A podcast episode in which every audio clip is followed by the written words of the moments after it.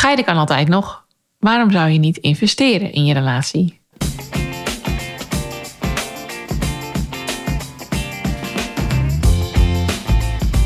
Hey, fijn dat je luistert naar de Scheidpodcast. Ik ben Carly Timmerman van Bureau Carbon, host voor gezinsvriendelijk scheiden. En ik ben Anneke de Groot, bedenker van gezinsvriendelijk scheiden en de grote vriendelijke bemoeial voor alle gezinnen. We nemen je mee in de wereld van fabels, feiten, statements en informatie als het gaat over scheidingen of uit elkaar gaan. Welkom.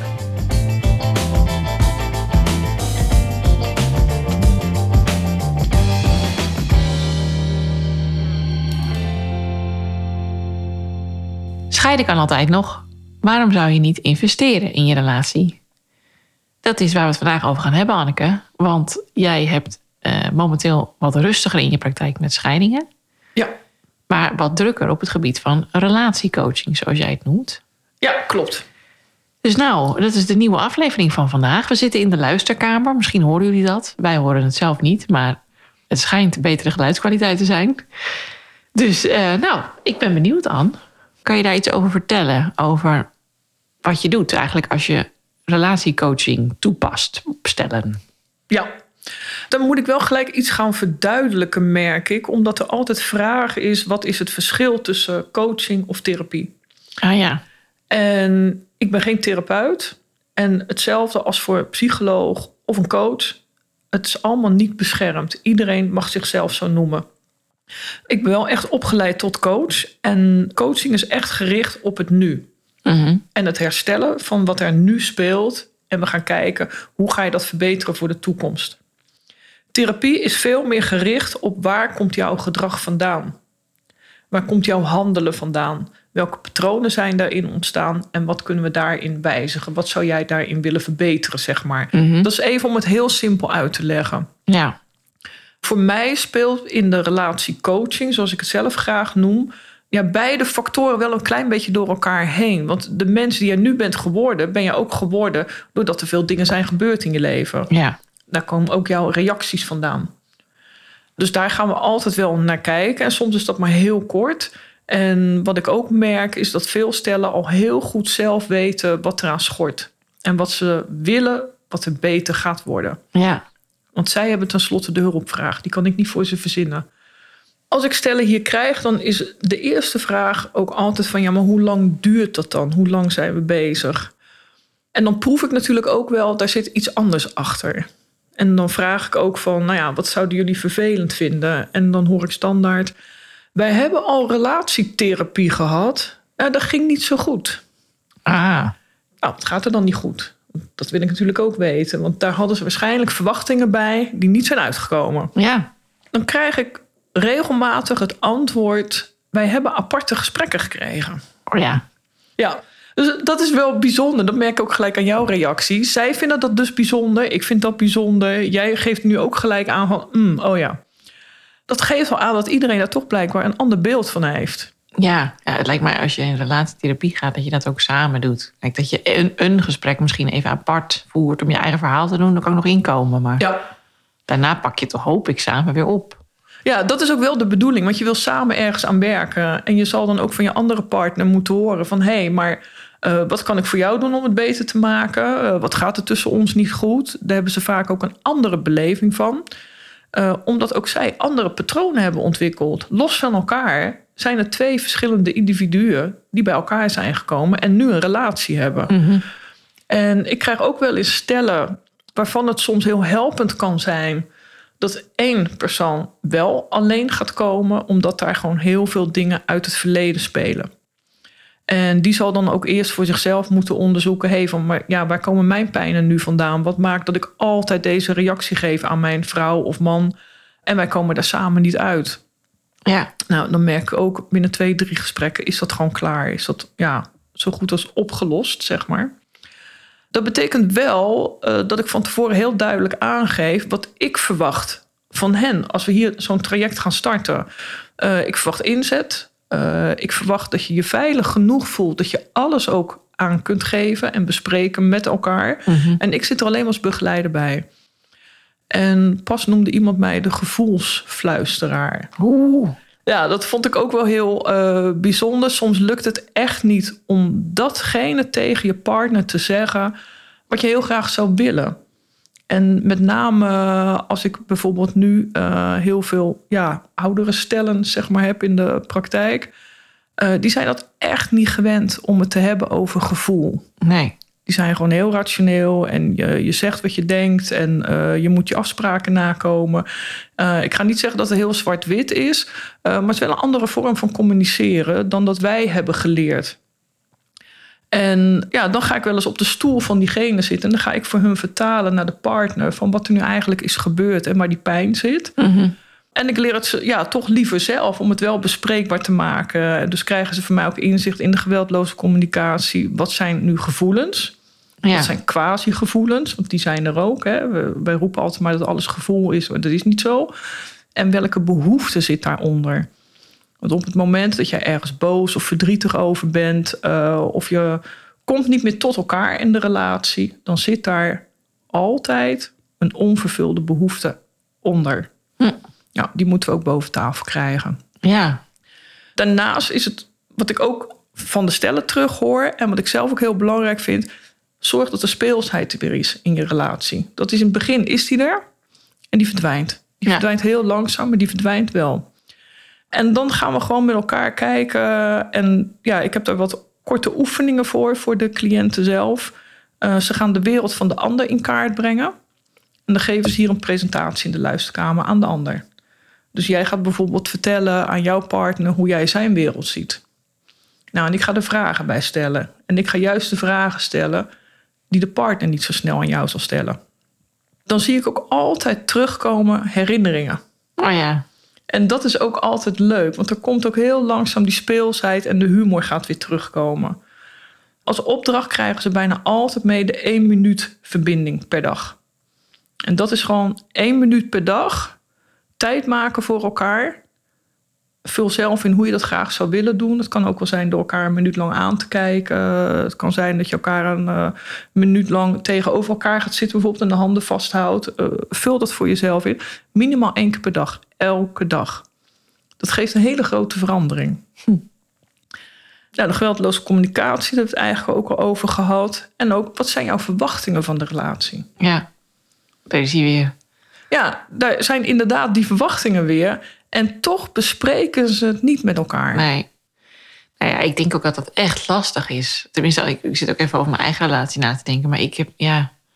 Hoe vaak zeg je nou van, nou, mijn verwachting is dit? Dat is iets wat je bijna nooit nadrukkelijk benoemt. Tenminste, in, in, bij mij thuis dan. Hè? Ik weet niet, Ja. misschien doe jij dat wel heel vaak. Maar Ja. ja, ik ben daar misschien iets makkelijker in en wat meer uitgesproken, denk ik, dan de gemiddelde partner in een relatie. Ehm, nee, maar dat is het wel. En dus ook echt hier eh, laat ik ze ook gewoon rijtjes maken. Van hé, hey, wat verwacht je nou in die relatie? Wat is voor jou belangrijk? Nou, voor de ene is bijvoorbeeld intimiteit heel belangrijk. En de ander vindt seks veel belangrijker. Dan zullen ze elkaar ook uit moeten leggen. Oké, maar waar zit voor jou het verschil dan in? Want ik vind intimiteit uh, ook wel seks. Maar Ja. de ander vindt seks volledig losstaan van intimiteit. Dus ook die verwachtingen uh, leren ze hier om aan elkaar uit te leggen. Joh, wat versta je daar nou onder? ja, Nou, de een vindt eerlijkheid heel erg belangrijk. Uh, de ander zegt, ja, maar als ik verrast wil worden... of ik wil jou verrassen... ja, lieg ik dan? Ben ik dan niet eerlijk? Nou, Ja. De een heeft daar bijvoorbeeld ontzettend last van. Ja, als hij ja. iets niet weet. ja. Nou, en dat gewoon op een speelse manier met elkaar hier bespreken. En dan staan ze met elkaar, staan ze hier op de muur eigenlijk de rijtjes uh, op te schrijven. En soms zie ik stiekem even spieken bij elkaar. Oh ja, oh ja, die ga ik er ook bij zetten dan. Dus jij dat ook opschrijft. Maar dat geeft wel aan dat ze met z'n tweeën op dat moment aan het werk zijn. ja. Voor iets wat zij graag willen. En ik zeg altijd, alle vragen die jullie elkaar niet stellen, die stel ik echt. En wat zijn dat dan voor vragen? Uh, soms kan het zijn, met name bij de wereld van de ander, uh, is het ook wat jij herkent? Is er ook iets wat je bijvoorbeeld zou willen veranderen in die wereld van de ander? Oh ja, Want dat is een vraag die stel je niet aan je partner. nee. Oh ja, en wat krijg je dan? Kan je een voorbeeld geven wat je dan terug hoort? Uh, ja, dan komen ook soms wel wat oude familieruzies naar boven. Ah, gezellig. Die spelen altijd wel een rol. Of dingen die ooit gezegd zijn en toch zo'n impact hebben. Eh, die dan ook echt het pekmannetje gaan worden bij de ander.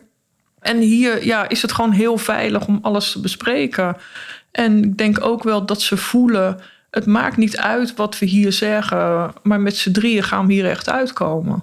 Ja, en die wil is er dan ook dus. Ja, de wil is er absoluut om bij elkaar te blijven en om te investeren. Hè? Want wij zeggen altijd of je investeert of je vertrekt in Ja. een relatie. Kan niet allebei. Die, die mogelijkheid is er niet. En dat is waar ze dan ook echt tijd voor vrijmaken. Ja, En ik had pas een stel en toen zei hij ook van... nou, ik zit eigenlijk liever hier met mevrouw bij jou. Hij zei, ik vind bijna gewoon een uitje... dan dat ik met haar uit eten ga. Hij zei, want dit levert mij zoveel op. ja, En toen dacht ik, jeetje, wat mooi als je dat zo omschrijft. En dat je dat en jezelf gunt en vooral je partner. En dan dus ook de relatie. ja. Ja, want hoe ben je hier zo bij gekomen? Want je bent natuurlijk gestart als mediator... en je hebt je vooral gericht op scheidingen... voor zover ik weet in elk geval. Nee, ik ben gestart als coach. Oké. Ja, ja, ik ben later pas de mediation opleidingen gaan doen. Ah ja, oké. Dus dit doe je eigenlijk al langer dan de Ja. scheidingstrajecten? Ja, klopt. Ah, oké. Ja. En ik merk nu wel, en juist door de vele ervaringen met alle scheidingen, dat ik wel heel goed weet wat er zit bij mensen. En wat de reden is waarom dat mensen uit elkaar gaan, wat er allemaal onder ligt. Ja, Eh, en dat kan je gewoon eh, ja, bespreekbaar maken en voorkomen. Je kan echt een scheiding voorkomen. ja, En ik denk dat dat het mooiste is aan mijn vak op dit moment. Als ik stel hier de deur uit zie gaan na drie, vier gesprekken, helemaal happy. Dan denk ik, ja, wow. Ja, dat is wel even echt hard gewerkt. ja. Ja, Ja, en het is natuurlijk leuker dan eh, iets wat uiteindelijk toch nog in een rechtszaal eindigt. Weet je, dat is natuurlijk. ja. Daar wordt niemand nou, blij van. absoluut. Ja, en ik denk ook wel het meest bijzondere. Maar goed, dat, dat heb ik ook wel als mensen wel voor een scheiding komen. Er wordt ook zo ontzettend veel gelachen met elkaar. Oh ja, Eh, ja. Ja, het is huilen en het is lachen en alles loopt door elkaar heen. Eh, ja, en dat mag. En als ze weggaan, altijd een dikke knuffel en ze zijn helemaal blij. En zijn dit dan stellen waarbij het zeg maar een vraag is geworden van gaan we uit elkaar of gaan we kijken wat er nog over is? Of zijn het ook stellen die al eerder dan dat punt bij jou komen en zeggen van nou, het gaat al een tijdje niet zo best. We willen het nu eigenlijk wel weer een beetje een boost geven. Ja, nou, daar zit wel wat diversiteit in. Eh, soms krijg ik stellen die zeggen van eh, we willen uit elkaar. Dan is er zoveel boosheid. eh, of iemand heeft een, eh, een affaire gehad. Of wat dan ook. Er kunnen heel veel redenen zijn. En dat ze zeggen van ja, maar dit komt gewoon niet meer goed. Mhm. En dan zeg ik, maar stel dat het wel zou kunnen, zou je dat dan wel willen? Nou, dus ik ze elkaar al heel verbaasd aankijken. Want eigenlijk hebben ze beiden niet eens die optie overwogen. Omdat ze zo in de boosheid vastzitten op dat moment. Mm. Dat ze dat ook niet besproken hebben met elkaar. En ze willen ook geen gezichtsverlies. Want er is altijd de angst. eh, ja, als ik zeg ik wil het wel. En de ander zegt nee, we gaan echt scheiden. Ja, Wow, dat is doodeng. ja, Ja, en dat is natuurlijk altijd het verlies wat een grote rol speelt als je uit elkaar gaat. En ook de angst om hulp te vragen. ja, ja, want dat was eigenlijk de hele aanleiding van deze aflevering. Mijn uitspraak in de. Ik ben moeder, ik vind het zo ingewikkeld om hulp te vragen. Ja, ja en ook omdat ik dat van veel eh, jonge vrouwen hoor, ben ik daar ook over na gaan denken. En toen dacht ik, hé, maar dit is ook wel wat ik terughoor in de praktijk. En niet alleen van jonge vrouwen, maar iedereen die er eigenlijk binnenkomt. En eh, dan is ook op een gegeven moment wel van mij de vraag, joh, wat maakt nu dat jullie dit zo lang hebben uitgesteld? ja, Eh, want als je auto kapot is, ga je gelijk naar de garage. Als je lekkage hebt, bel je gelijk een loodgieter. En op het moment dat het niet goed gaat in de relatie, nou, dan stellen we dat maar uit. En er zit ook wel een soort van taboe op, merk ik. Want dan is het al heel snel, ja, dat, dat therapie. ja. Ja, jij bent toch niet gek? Ja. Eh, hoezo moet ik in therapie? Nou ja, eh, je moet niks. En hoe gek is het om te scheiden? Ja, dat is eigenlijk veel complexer en ingrijpender. Ja, dat is echt veel complexer en ingrijpender in je hele leven Ja. dan bij elkaar blijven. eh, in plaats van al je mooie herinneringen die je hebt de deur uit te gooien. Ja, Ga eraan staan met z'n tweeën. Ga ervoor werken. En ja, ik begrijp wel, er is ook angst, hè? Want angst, eh, stel dat ik uit ga spreken. Joh, zoals jij het de laatste tien jaar hebt gedaan. Nou, ik kan echt niet met jou meer door één deur, Cardi. Ongelooflijk. Wat een bitch ben je eigenlijk. Dan ga jij dan nog in gesprek met je partner. ja, kleine kans. Ja, die kans is heel klein. En er is altijd het verwijtende gesprek in de relatie. Het is altijd omdat jij iets niet goed doet. En dat jij moet veranderen. En het is ook het wijzen naar elkaar. Ja, daar, dat gooien we er gelijk uit. Je begint bij jezelf. Jij gaat uitspreken. Wat is jouw gevoel? Wat wil jij heel graag? Wat is jouw behoefte? Kan die ander daarin iets voor jou betekenen? Uh, en wat wil je zelf veranderen? Want het zit bij jezelf. Het zit nooit bij de ander. En er Ja. kunnen ook dingen verschuiven in de relatie. Uh, dat zie je vaak op het moment dat de een bijvoorbeeld zich heel erg gaat ontwikkelen en heel veel opleidingen gaat doen en gaat veranderen van baan. De ander vindt daar geen aansluiting meer bij. Nou, hoe vind je elkaar dan weer? En is dat ook wat je dan nog wil? Heb je nog diezelfde doelen? Heb je nog dezelfde dromen? Ja, En dat zal je regelmatig met elkaar moeten fine-tunen. Bespreek het met elkaar. ja. Ja, en het liefst dus eigenlijk voor het moment dat je denkt, nou, eh, de groeten ermee. Ja, eigenlijk wel als ik heel eerlijk ben. En het zou iets heel normaals moeten zijn. Een APK voor je relatie. Ja, ja dat zou inderdaad heel normaal moeten zijn, ja. Ja, het moet echt de normaalste zaak van de wereld worden. En ik merk ook drie, vier gesprekken, dan gaan de mensen weg. En sommigen komen gewoon één keer per jaar even terug. En soms één keer na zes maanden. Dat is, joh, nog even wat dingen. Want het ging toch niet helemaal goed, die laatste drie gesprekken. Nou, dan gaan we even oefenen met elkaar. En nou ja, dan pakken ze het zo weer op. En dan gaan ze weer vrolijk verder. Ja, Ja, ja want dat is waarschijnlijk wel wat je dan ook jezelf moet blijven gunnen. Dat je gewoon af en toe daar weer opnieuw in investeert. Al Ja. dan niet bij jou of... Ja, of bij iemand anders. En eh, nou ja, geef zelf aan wat verwacht ik hiervan. En het is niet oké als jij bij relatietherapie komt met z'n tweeën, dat je apart gesprekken gaat krijgen.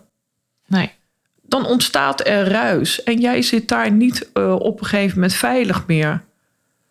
Want wat wordt er besproken als ik er niet bij ben, terwijl het wel over onze relatie gaat? ja. Ja, ik vind, ja, ik blijf dat heel bijzonder vinden. Je moet dat toch ook samen dan op gaan zien te lossen. Je kan, ja. Ja, en toch hoor ik dit echt standaard van de mensen die hier zijn eh, en al relatietherapie hebben gedaan. Ja, en dat is op een gegeven moment ook eh, te lang vonden duren.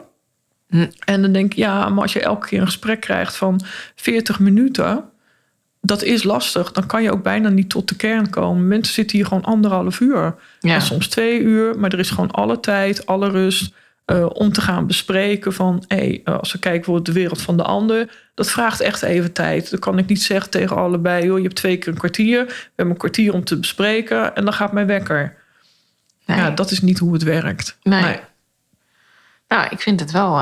en hoe is de verhouding nu dan tussen het aantal scheidingen en aantal succesvolle relatiecoaching sessies?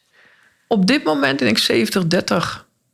Dus scheidingen 70. Nee, eh, relatiecoaching 70%, 30% nog maar scheidingen. Oh ja. Ja. En ook door de enorme woningcrisis, de, misschien dat dat ook een rol speelt. Ja. Ja, ik merk nu toch wel dat het in ieder geval hier, misschien in de, in de omgeving, eh, ik weet het niet. Ja, dat mensen wel wat makkelijker de telefoon pakken en zeggen van... hé, het gaat niet goed met de relatie. Eh, scheiden willen we allebei niet, maar we weten niet goed wat we moeten doen. Ja. En dan vinden ze het wel vreemd eh, om dan te bellen met gezinsvriendelijk scheiden. Ja. Ik heb wel een aparte pagina daarvoor op mijn website voor de relatiecoaching. Dus daar leg ik ook wel iets in uit. Eh, en dan zeggen ze, ja, en het fijne vinden ze dan ook. Maar je hebt zoveel ervaring van dat je weet waarom dat mensen uit elkaar gaan. Ja. Dus voor ons is dit wel logisch dat we dit ook bij jou doen. Ja.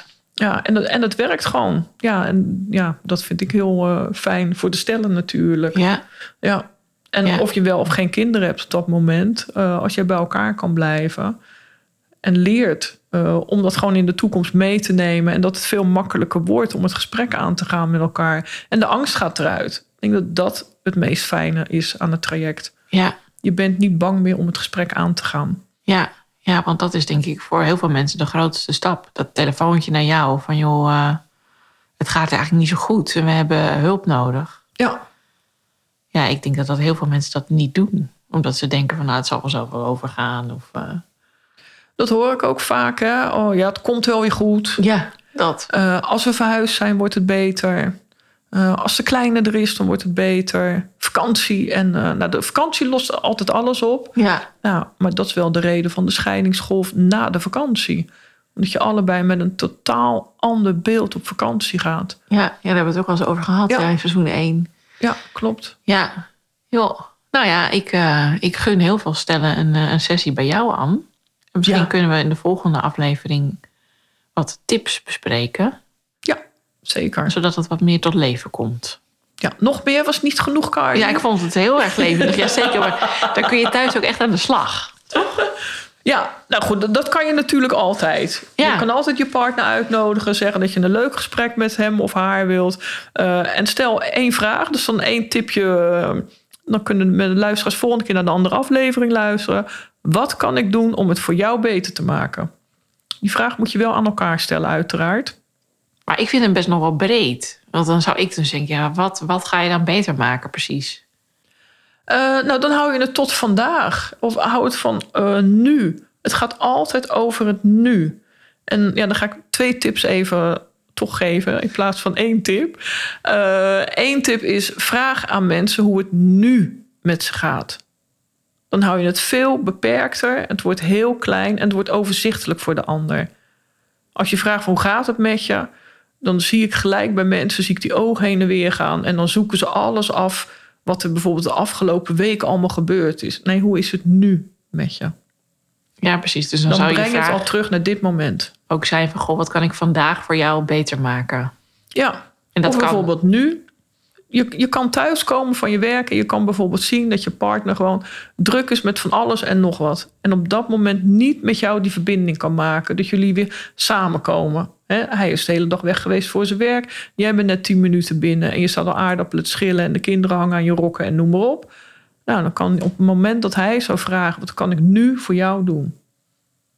Ja, heerlijk lijkt me dat. Ja, maar dat is echt het grote verschil. Het zijn de twee meest simpele vragen die we hebben. Maar echt, de ene vraag is: hoe is het nu met je? Of wat kan ik nu voor jou doen? Ja, goeie. Nou, ik ga het vanavond meteen eens eventjes doen. Nou, ik ben benieuwd. Ja. Dan horen we die natuurlijk volgende keer als we de tips verder op gaan nemen. Ja, leuk. Oké, Nou, dankjewel, dank, Anne. Carly. Tot Ja, de volgende. Tot de volgende. Fijn dat je hebt geluisterd. Heb je een vraag, een tip of wil je gewoon even je eigen verhaal kwijt? Laat het ons weten via info.gezinsvriendelijkscheiden.nl Oh, en eh, je mag natuurlijk altijd een beoordeling achterlaten, sterren uitdelen of de aflevering delen met je vrienden, familie of collega's.